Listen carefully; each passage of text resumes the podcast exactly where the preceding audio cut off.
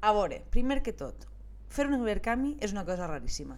Està basat en un concepte que a mi em pareix una miqueta extravagant de eh, abans, la gent avança diners amb la idea de que tu pugues tirar coses en marxa i bueno, a canvi d'això es mereixen algun tipus d'agraïment, algun tipus de reconeixement per aquesta confiança que han posat en tu i que bueno, aquesta recompensa que li dones ha de tindre algun tipus de mm, relació en com de gradosa siga i com de gran i vistosa en funció de com de gran és l'entusiasme que han posat en tu, bàsicament, quants diners han posat. bueno, nosaltres vam pensar en fer cistells i bé, la idea és que això cistells haguem de dur coses i aquestes coses que portaren que tinguin una certa lògica de treball compartida amb nosaltres. Bàsicament, que foren del terreny, eh, respectuosos amb el medi i en general aquest tipus de principis que a voltes sí que ens governen conceptualment però que no sempre apliquem en la pràctica, nosaltres els primers. Eh, bé, en un exercici de reducció de costos jo em vaig proposar a mi mateixa com una fabricadora d'idees, d'artefactes, a través d'entre entre altres coses dels meus afers ceràmics. Perquè, vaja, mmm, crec que coses més... més mmm, no sé si hi haurà moltes més coses que siguin més barates que autoexplotar-se. I, en fi, eh, vaig proposar en fer vols. Per què no fer vols? Pues un error com una catedral. També vaig pensar, entre altres idees, que en recollir herbes i ensenyar a la gent a fer infusions del terreno, eh, que a mi em semblava super, una idea super xula, super brillant, bravo jo, però que aparentment no és època per a replegar moltes coses, només friula, i per tant és una idea que es va quedar una miqueta en el frigorífic. Així que, bueno, em vaig encarregar principalment de fer aquests vols que comentava, que sobretot semblava que no implicaven moltíssima feina i que no eren massa difícils, i que a banda sempre he pensat que no, són, no fan especialment nosa, sinó que sempre tenen algun tipus d'utilitat, que són versàtils i que encara que n'acumules un centenar, com és el meu cas, pues mai sabem mal. El tema és que quan pensem en treball artesanal pues, hi ha un parell de coses que ens solen anar en el cap que, que identifiquem en el tipus de faena, que és, uno, la gestió del temps, és a dir, eixa suposada calma que acompanya el treball manual, i dos, la personalització, és a dir, que pot tindre imperfeccions i que no passa res. A veure, jo la veritat és que la imperfecció em ve perfecte perquè l'abraça i fins i tot quan no està buscada, inclús quan, com és la majoria de voltes, que és bastant involuntària.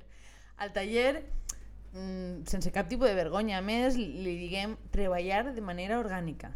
Total, al final és que no anem a tindre mai una precisió de màquina ni pretenem ser ningun tipus d'IKEA on, on fabriquem coses que siguin totes iguals, i no sé qui voldria això. Així que, bueno, és possible que este argument siga estirat una miqueta fins a límits qüestionables, inclús indefensables? És possible. Però de moment a mi ningú m'ha dit encara que este bluff en el que treballe i esta estratègia, així que, bueno, la marxeta. I bé, us puc assegurar que, sí, per amunt de totes les coses, eh, que si heu triat una recompensa en una cistella carregada de productes de la terra, que aneu a tindre un vol únic i imitable i que això es marca de la casa. Amb el segon element sí que tinc un poc més de problemàtica, bàsicament perquè jo no sé si vosaltres, però jo he fantasejat moltes voltes en una idea que se me clava molt en el cap de eh, una manera de treballar amb molta cura, paciència al fang, no? És una espècie de visió pseudoeròtica en la que et fa pensar que la, eixa calma de la que parlava antes és una cosa que realment és desitjable, o sigui, que voldries incorporar a qualsevol aspecte de la teva vida. Però la calma en realitat és que implica anticipació, planificació i temps en abundància. I en este vídeo en el que solen projectar el, el treball manual, no solen plantejar que aquests artesans probablement tenen terminis que t'apreten el cul i que t'obliguen a posar la quinta marxa i bé, jo, per exemple, pues, he tardat quasi dos mesos en fer 30 vols, no sé, ni mil i i de fet ho comentava la meva professora i es burlava de mi.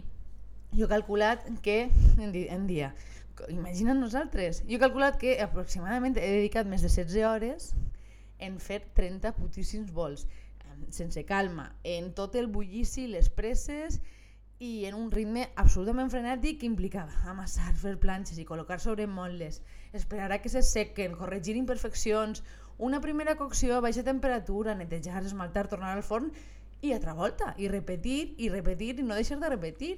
I encara que no siguin màquines, pareix que, sem que per uns moments, toque, uns moments en concret, més de 16 hores, calga eh, fingir que som una, una espècie, tenim una espècie de, de producció industrial eh, que inclús fent trampes i buscant els marges i saltant els passos i evitant que la profe veia, vega quin tipus de maniobres engaste, seguís siguent un procés molt llarg i llarguíssim per a qui té pressa. Però bueno, al final tenim 30 ols. Possiblement ni 30, sinó 28 o 32, perquè juraria que m'he descomptat en algun moment. Però bé, la qüestió és que és un encàrrec i jo he acabat i jo puc tornar a les meves tasses, als meus dibuixets i aquesta calma tan desitjada. Però jo sols tenia un encàrrec. Encara que segurament el, el resultat és imperfecte, és més que suficient, són bonics i fan la seva funció, sobretot des de la perspectiva d'una persona que ve en la funcionalitat una miqueta justeta de casa.